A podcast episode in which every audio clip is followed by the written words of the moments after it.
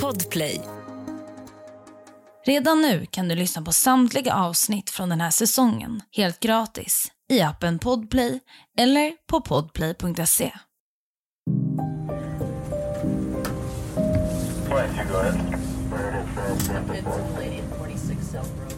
Söndagen den 26 november år 2000. Bramley, Storbritannien. Telefonen ringer hos larmcentralen. Lugnt och sansat lyfter operatören på luren. På andra änden väntar en orolig mamma vid namn Sharon. Hon berättar att hennes 16-åriga dotter, Lian, som varit på väg hem, spårlöst försvunnit. Operatören frågar om det är likt Lian att dra sig undan utan att höra av sig. Operatören får svaret nej. Operatören slår larm och tillkallar polis som inleder en utredning. Du lyssnar på Jakten på mördaren med mig, Saga Springhorn. Dagens avsnitt är skrivet av Lisa Törnlöf. Jag vill varna för grova och ingående våldsskildringar gentemot barn i dagens podcastavsnitt.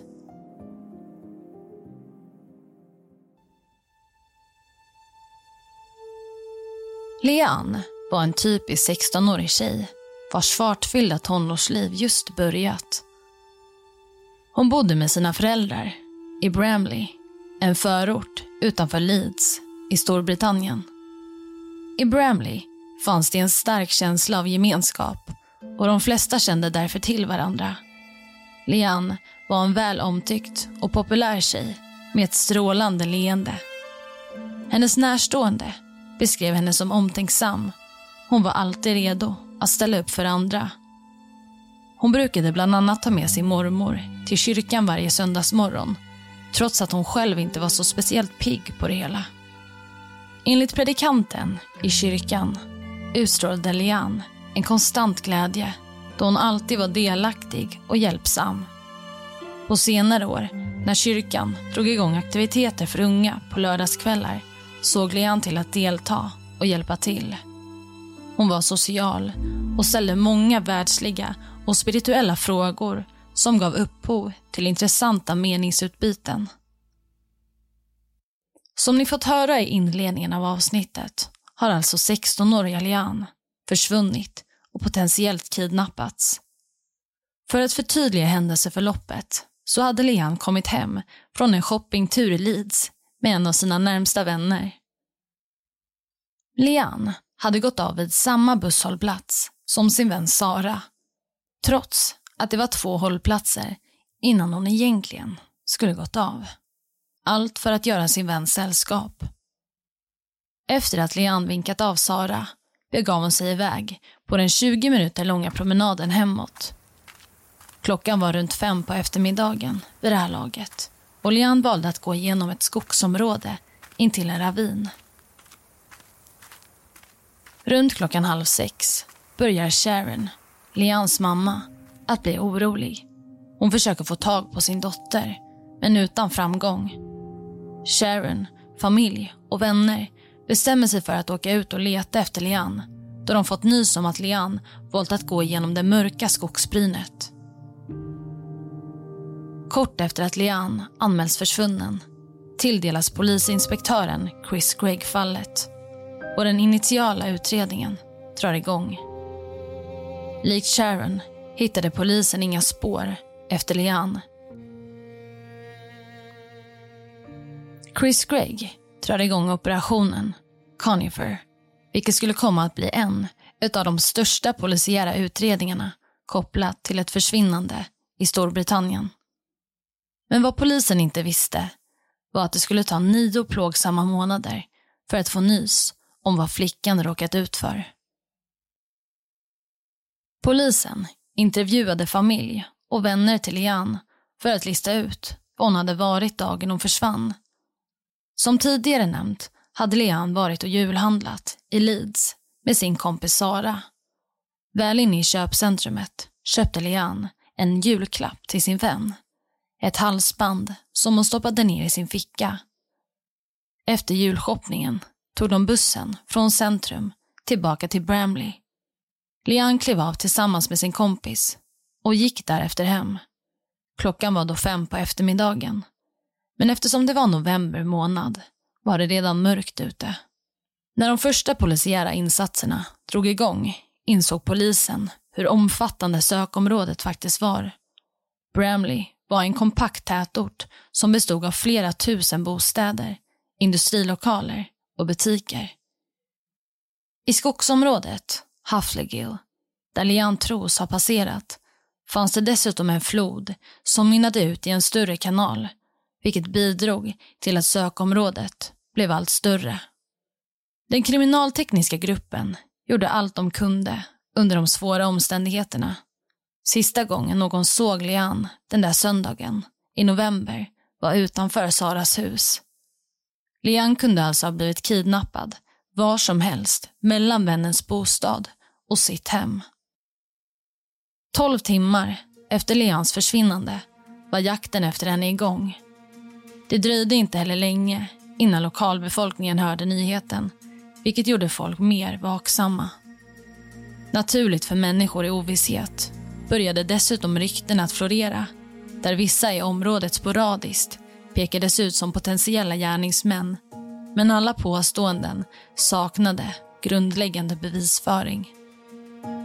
Medan lokalbefolkningen diskuterade Leans försvinnande var polisen ute och letade efter alla möjliga spår efter henne, stora som små. Det var nämligen av största vikt att inte lämna något åt slumpen. Förhoppningarna var stora. Kanske skulle de lyckas hitta så mycket Leanne köpt, det som hon stoppat i fickan, eller till och med hennes mobiltelefon.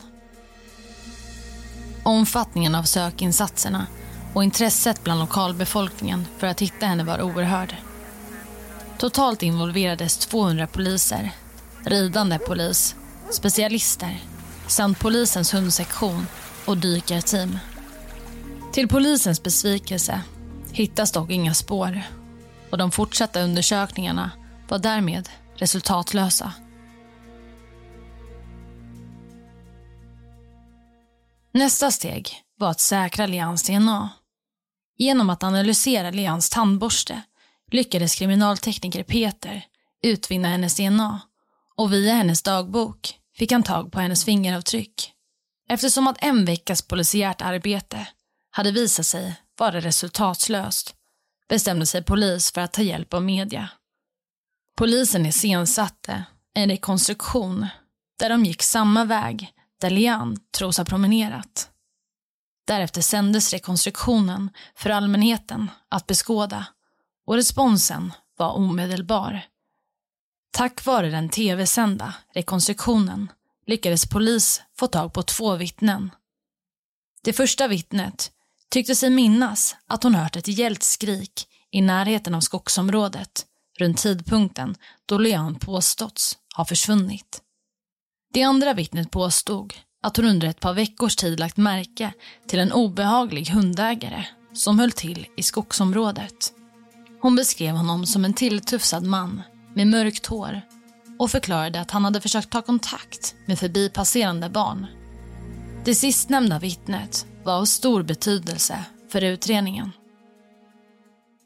Nu stannar vi upp lite. Polisen har alltså påbörjat en intensiv sökinsats, men man har varken hittat Lian eller ett enda spår efter henne. Däremot bekräftar ju ett av vittnena att Lian potentiellt kan ha försvunnit i närheten av skogsområdet då hon hört ett skrik. Och innan vi går vidare så tänkte jag bara mm, föra med ett litet intressant tillägg i den här utredningen. Det är nämligen så att eh, Chris Gregg som arbetar med Lians fall uttalar sig. Och han säger att Lian satte sig själv i en väldigt sårbar position då hon valde att ta den där vägen vid skogen. Dessa uttalanden har mötts av skarp kritik då en del menar att det är så kallat victim blaming, där argumentet är att man som ung kvinna eller tjej ska tänka efter innan man ger sig ut i mörkret. Men egentligen är det ju faktiskt förövaren som ska skuldbeläggas. Vi går vidare. Den 4 december publicerade polisen en fantombild skapad utefter vittnets beskrivning av mannen i skogsområdet. Därefter började polisen leta efter hundägare som promenerade i området där Leanne försvunnit. Trots polisens ansträngningar hittade de ingen som matchade gärningsprofilen eller fantombilden. Tre veckor passerar och nu börjar polisen bli otålig. De har genomsökt 1100 bostäder, letat i dräneringsschakt, brunnar, kanaler och på järnvägar. Det var som att Leanne hade försvunnit i tomma intet. Förhoppningen var ju fortfarande att hon skulle återfinnas vid liv. Eller att det skulle finnas någon oskyldig förklaring till hennes försvinnande, såsom exempelvis en hemlig pojkvän. Men sannolikheten att Leanne skulle hittas oskadd blev mindre och mindre för varje dag som passerade. I juli månad hade det fysiska sökandet efter Leanne upphört. Men polisen var fortfarande på jakt efter mördaren. Ett poddtips från Podplay. I fallen jag aldrig glömmer djupdyker Hasse Aro i arbetet bakom några av Sveriges mest uppseendeväckande brottsutredningar går vi in med hemlig telefonavlyssning och, och då upplever vi att vi får en total förändring av hans beteende. Vad är det som händer nu? Vem är det som läcker? Och så säger han att jag är kriminell, jag har varit kriminell i hela mitt liv men att mörda ett barn, där går min gräns. Nya säsongen av Fallen jag aldrig glömmer på Podplay. 20 augusti, år 2001. Lindley, reservat. Det är varmt och solen strålar genom de höga trädtopparna. Längs en av de många vildvuxna stigarna går en farbror och rastar sin hund som verkar ha fått upp ett intressant spår. Med nosen i backen och en motvillig husse som sällskap börjar en intensiv jakt efter källan till spåret. Plötsligt skymtar farbrorn något som tycks se ut som en stor bunt skräp bland blåbärsriset. Förbannad över denna gest av fräckhet går han fram till den stora vita säcken.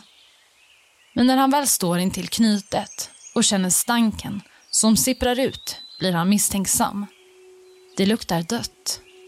En aning stressad knyter farbrorn fast sin hund i ett närliggande träd. Han knyter långsamt upp den stora påsen.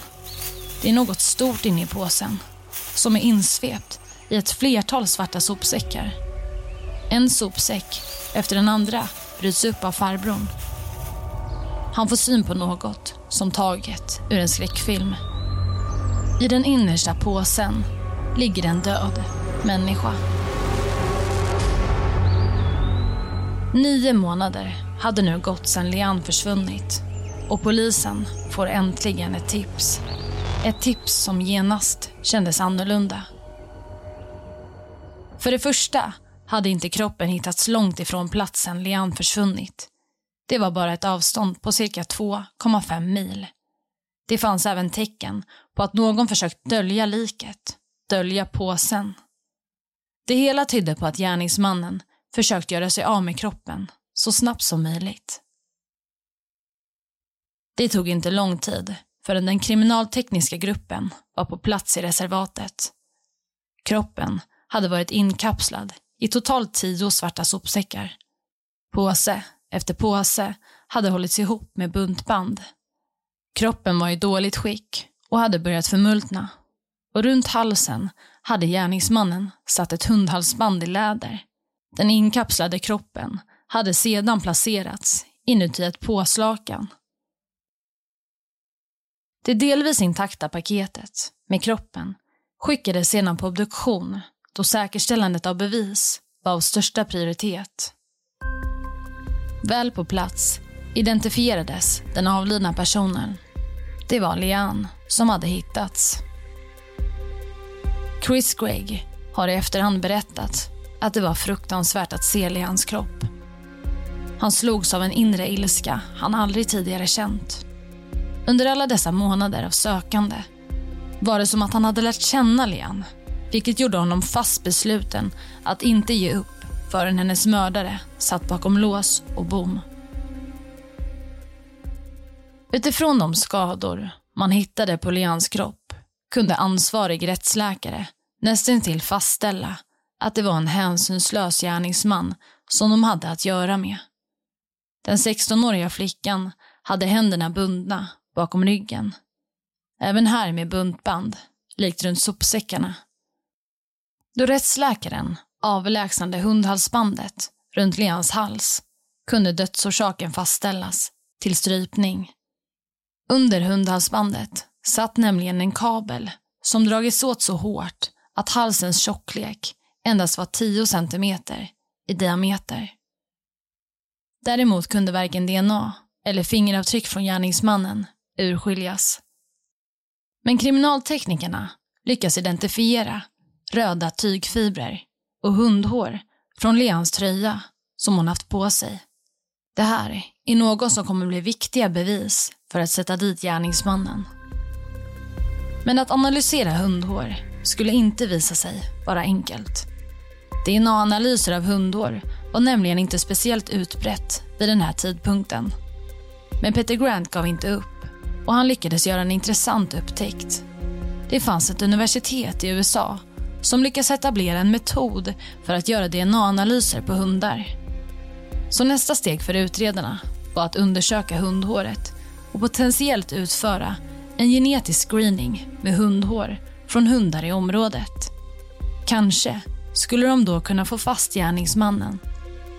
I väntan på analys av hundhåren anlitas en insektskännare. Mer känd som en entomolog inom den rättsmedicinska världen för att hjälpa utredarna. Och här stannar vi upp lite för att förtydliga. Vad är egentligen en entomolog? En entomolog eller en insektskännare är helt enkelt en person som arbetar med vetenskapen om insekter. Inom polisväsendet kan man använda denna typ av professionalitet för att fastställa tidpunkt då ett offer har avlidit. Men hur lyckas man med det? Jo, det finns nämligen ett fast mönster insekter uppvisar vid olika typer av förmultningsprocesser. Man kikar bland annat på mängden och sortens insekter i kroppen, även om det finns ägg och i så fall hur många och så vidare. Insekterna ger därför en indikation på vart kroppen befinner sig i förmultningsprocessen och därmed kan man avgöra hur länge en individ varit död. Vi går vidare. Det skulle inte dröja lång tid förrän entomologen gjorde en avgörande upptäckt. I Leans kropp hittade man insekter som normalt sett inte dyker upp förrän ett par veckor efter förmultningsprocessen dragit igång. Kroppens tillstånd var likt en bit fryst mat som man tinat. Fryst mat som tinats upp tenderar att förmultna snabbare i jämförelse med färsk mat. Exakt det här mönstret uppvisade kroppen vilket fick entomologen att misstänka att Leans kropp hade bevarats i en frys innan den hittades i skogen. Hon hade, enligt entomologen, legat begravd i skogen i en vecka och bevarats någon annanstans tiden innan. Men det slutar inte här. Chris Gregg vill undersöka kroppen vidare. Han vill försöka lista ut hur brottsplatsen där Leanne tog sitt sista andetag såg ut. Och därför kontaktar han pollenexperten Patricia Wiltshire. Väl på plats tar Patricia prov från kroppens näsa och hår. Ur dessa prov kunde hon sedan utvinna växtpollenartiklar och sporer för att föreställa sig den plats Lian befunnit sig på. I analysen utskilde hon spår av olika träsorter, bland annat barrträd, lövträd och blommande träd. Hon hittade dessutom spår av förkolnat material vilket fick henne att dra slutsatsen att kroppen med största sannolikhet varit i kontakt med någon typ av eldstad eller grill. Patricia menar att Liana befunnit sig i en vilt vuxen och nedgången trädgård med mycket ogräs. Med största sannolikhet fanns det någon typ av eldstad eller brasa i närheten av platsen. Ligusterhäckar och blommonträd skulle också finnas i närheten. Så nu var det bara för polisen att hitta en trädgård eller plats som matchade Patricias beskrivning.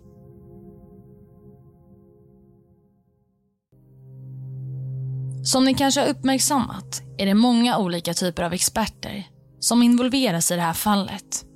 Och det här är något som utredarna fått mycket beröm för. Den kriminaltekniska undersökningen med Peter Grant i ledning hade som tidigare nämnt funnit buntband, ett hundhalsband, textfibrer och spår av hundhår på Leans kropp. Och eftersom att de inte lyckats utvinna något DNA från en gärningsman behövde de vända sig åt mer traditionella kriminaltekniska metoder. Polisen började därför spåra vart dessa fibrer och föremål kunde ha kommit ifrån. Med hjälp av några textilexperter fick polisen först reda på att de röda textfibrerna som hittades på Leans rygg var så kallade kolfibrer. Textilexperterna kunde dessutom visa upp en typ av matta som fibrerna med största sannolikhet hade kommit ifrån. Men längre än så kom de inte. Buntbanden å andra sidan var alla tillverkade av ett brittiskt företag som sålde i miljoner. Polisen trodde därför att detta spår var kört. Men det skulle visa sig att hela 90 procent av buntbanden såldes till The Royal Mail, ett posttjänstföretag i Storbritannien. Kanske kunde gärningsmannen ha någon koppling till posttjänstföretaget. Hundhalsbandet som de funnit runt Leans hals var ett läderhalsband.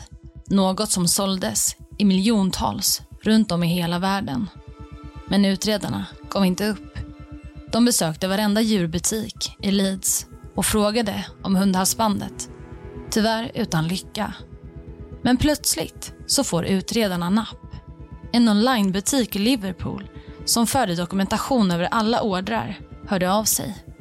Det fanns en man vid namn John Taylor som köpt sex stycken av just den hundhalsbandssorten. John Taylor var dessutom ett bekant namn i utredningen. Polisen hade nämligen sedan innan fått in ett tips om honom. Och nu stannar vi upp igen. Det har alltså gått tio månader sedan Leanne försvann. Och först trodde man att det endast handlade om ett försvinnande men utredningen förvandlades snabbt till en jakt efter en mördare. Med hjälp av hundhalsbandet har nu polisen hittat en misstänkt person. En John Taylor från Leeds. Och den här mannen har polisen redan fått tips om när man valde att gå ut i media och be vittnen höra av sig.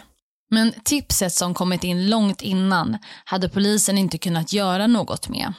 För John, som man då namngav i det här tipset, beskrevs mest som en udda person. Det, det fanns inte så mycket att gå på. Men nu däremot. Man gör en bakgrundskontroll på John och det visar sig att han arbetar på The Royal Post. Det stället som man kopplat buntbanden till. Det här blir mycket intressant för utredarna. Vi går vidare. Den 16 oktober 2001, Bramley, Storbritannien. För de ovetandes grannarna i det lilla bostadsområdet verkar det vara en vanlig tisdagsmorgon. Solen skiner och de få lönnträd som står längs gatan är höstklädda i de mest fantastiska färgerna. Men den fina höstdagen ska snabbt komma att bli dyster för grannskapet då deras granne ska komma att bli arresterad. Polisen har väntat på den här dagen länge. Dagen då en eventuell gärningsman ska gripas. Ett poddtips från Podplay. I fallen jag aldrig glömmer djupdyker Hasse Aro i arbetet bakom några av Sveriges mest uppseendeväckande brottsutredningar. Går vi in med hemlig telefonavlyssning och, och då upplever vi att vi får en total förändring av hans beteende. Vad är det som händer nu? Vem är det som läcker? Och så säger han att jag är kriminell, jag har varit kriminell i hela mitt liv men att mörda ett barn, där går min gräns. Nya säsongen av Fallen jag aldrig glömmer på Podplay. Sakta men säkert rör sig patrullen framåt mot det nedgångna huset. Kommissarien knackar på. Det är knäpptyst. Plötsligt öppnar en man i 40-årsåldern. Och kommissarien urskiljer rädslan i mannens ögon. Han säger John Taylor, du är arresterad. Skäligen misstänkt för mordet på Lian. Nu kunde polisen, efter en tio månaders lång utredning, drar en lättnadens suck. Men vem var egentligen den här John Taylor? Vid tidpunkten då han greps var han 45 år gammal. Han kom från Leeds och hade ett underligt rykte i området. John var känd för att plåga smådjur. Enligt honom själv handlade det inte om att plåga utan istället var det bara ett intresse för jakt och mer specifikt tjuvjakt. Han brukade bland annat fånga och döda kaniner och vid ett tillfälle sågs han även lemlästa en räv. I Johns personliga relationer uppvisade han ett problematiskt beteende. Han var frånskild sedan några år tidigare. Flera exflickvänner avslöjade att Taylor hade ett intresse för att binda fast kvinnor. En av de före detta flickvännerna berättade för polisen att han vid ett tillfälle uttryckt att han velat ha sex med hennes 15-åriga dotter. Utöver det arbetade han som leverantör på The Royal Mail och bodde ensam i ett radhus i Bramley område. Hans grannar hade alltid tyckt att John var märklig då han ofta höll sig för sig själv och var känd för att ha en skev djursyn. Men att han var en mördare hade de svårt att tro. John förhörs i timmar. Han förnekar sin inblandning.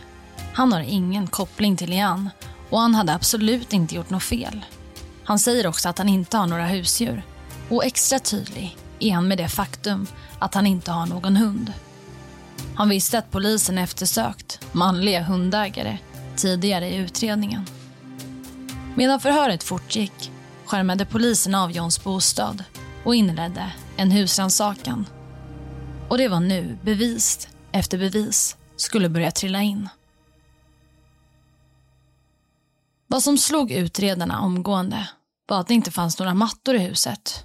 Trots att spikarna längs med listerna visade tecken på att golven varit inklädda i vad som såg ut som röda mattor.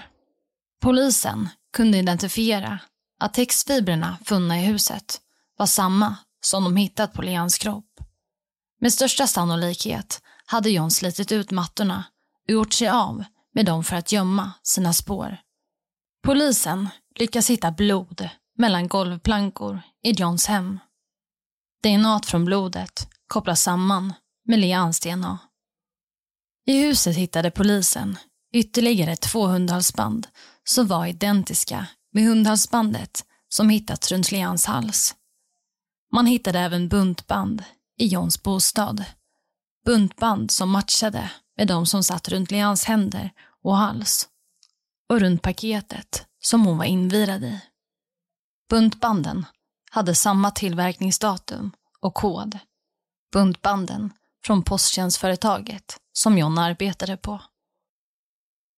Under husrannsakan kikar man närmare på Johns trädgård och Patricia, pollenexperten, kallas in.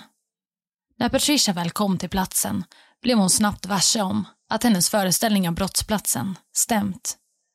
På den vildvuxna tomten fanns det två brasor, ett stort plommonträd och häckar. Patricias detaljerade kartläggning av trädgården var häpnadsväckande. Men det skulle snart dyka upp något än mer häpnadsväckande. Ur jorden gräver polisen fram döda djur. Massor av dem. Totalt hittades rester av 28 illrar och fyra hundar, varav en av dem visade tecken på någon form av trauma mot huvudet. Samtliga hundar är i ett så dåligt skick så att polisen inte kan utvinna något DNA för att jämföra med hundhåren som hittats på Lian. Som ett slutgiltigt försök att stärka bevisen mot John satte polisen ihop en vittneskonfrontation. Vittnet som påstått sig sett en obehaglig hundägare intill området Lian kidnappades vid kallades in till stationen. Ett flertal män står uppradade. En av männen är John. Och vittnet pekar mycket riktigt ut just John. Polisen hade nu nog med bevis. De hade rätt person. Tillbaka på polisstationen fortsatte polisen att förhöra John. Och nu stod han inför ett berg bevis emot honom. Det här får honom att erkänna. Han påstod att allt varit ett misstag. John berättar att han lyckas lura med sig Lian hem. Väl i Johns radhus band han fast Lian på övervåningen med buntband. Lian hade plötsligt blivit vild och sparkat mot honom. För att få henne att sluta sparka och lugna ner sig tog han tag i hennes huvud och Lian faller nu mot golvet. John menar att Lian slog i huvudet hårt i golvet. Det var blod överallt. John säger att det var orsaken till att hon dött. Men Johns historia strider mot bevisen som polisen har. Kroppen visade nämligen inte några tecken på att hon fått en huvudskada som hon sedan avlidit av. Dödsorsaken var strypning. Det hade obduktionsrapporten fastställt. John hade strypt Lian med ett buntband. Man fortsätter att förhöra John. Utredare frågar om han fryst ner Lians kropp. John förnekar det, trots att de medicinska bevisen indikerade att kroppen förvarats i en frys i cirka nio månader innan den dumpats i skogen. Men polisen får ingen förklaring från Johns sida och han fortsätter att förneka det faktum att han fryst ner hennes kropp. John säger istället att han förvarat kroppen i trädgården under några lastpallar. John åtalades den 8 juli 2002, cirka 18 månader efter att Leon försvann. Han ställdes inför rätta vid Leeds Crown Court där han anklagades för kidnappning och mord. De överväldigande bevisen mot John fick honom att dra tillbaka sitt påstående angående Leans död som en olycka. Han erkände sig skyldig redan första dagen, vilket var en stor lättnad för Leans familj. John ansågs vara en grovt hänsynslös mördare och fick 30 års fängelse. Straffet skulle däremot komma att minimeras till 20 år i och med en ny lag.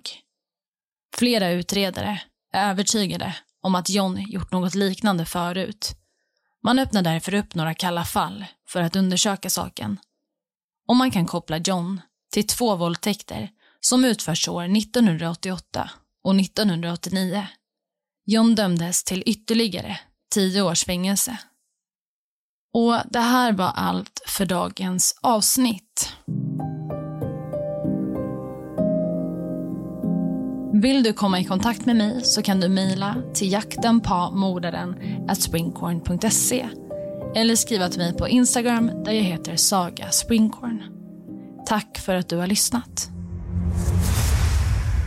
I nästa vecka av Jakten på mördaren kommer du att få höra om fallen Hello Kitty-mordet och Airbnb-mordet. Hongkong. En 14-årig flicka kliver in på polisstationen. Hon är uppe i varv och stressad. Hon sätter sig ner och berättar att hon är hemsökt.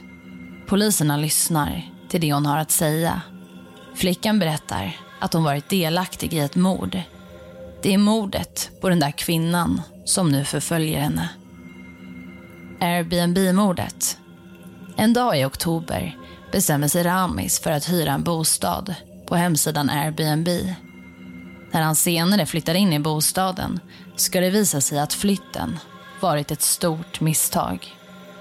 Om du inte orkar vänta och vill lyssna på avsnittet redan nu så kan du göra det helt gratis i appen Podplay eller på podplay.se. Podplay, en del av Power Media. Ett poddtips från Podplay.